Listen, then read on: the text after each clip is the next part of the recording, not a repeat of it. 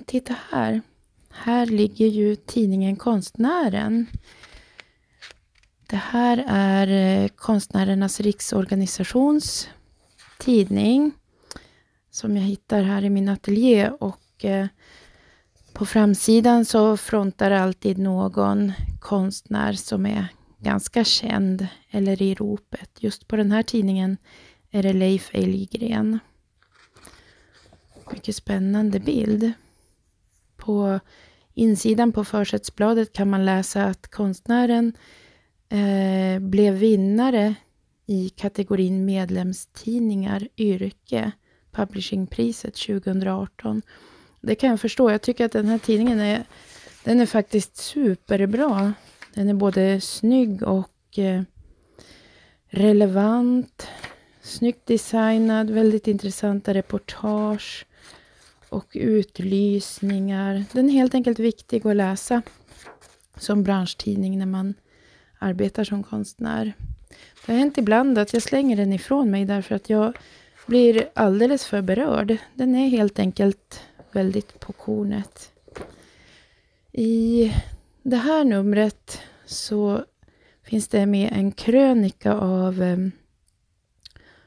KROs nya riksordförande och konstnär Sara Edström som har rubriken Många i vår bransch går sönder av stress. Hon skriver bland annat Jag ska nu tillsammans med den nya styrelsen och vice ordföranden Margot Barolo verkligen kavla upp ärmarna och hitta bästa sättet att kämpa för att konstnärer ska kunna leva ekonomiskt, konstnärligt och mänskligt hållbara liv. Det låter ju alldeles utmärkt det, tänker jag.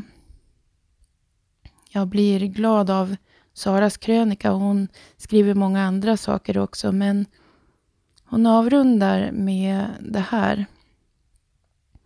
Det gör mig så otroligt ont att se hur många i vår bransch som går sönder av stress för att kunna fortsätta skapa konst till glädje och reflektion för andra.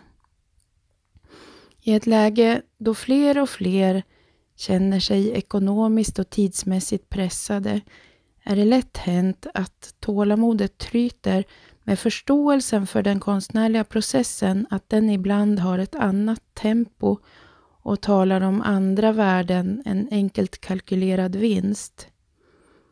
När tålamodet tryter växer grogrunden för populistiska svartvita lösningar där kultur ställs mot sjukvård, samtidskonst mot äldreomsorg.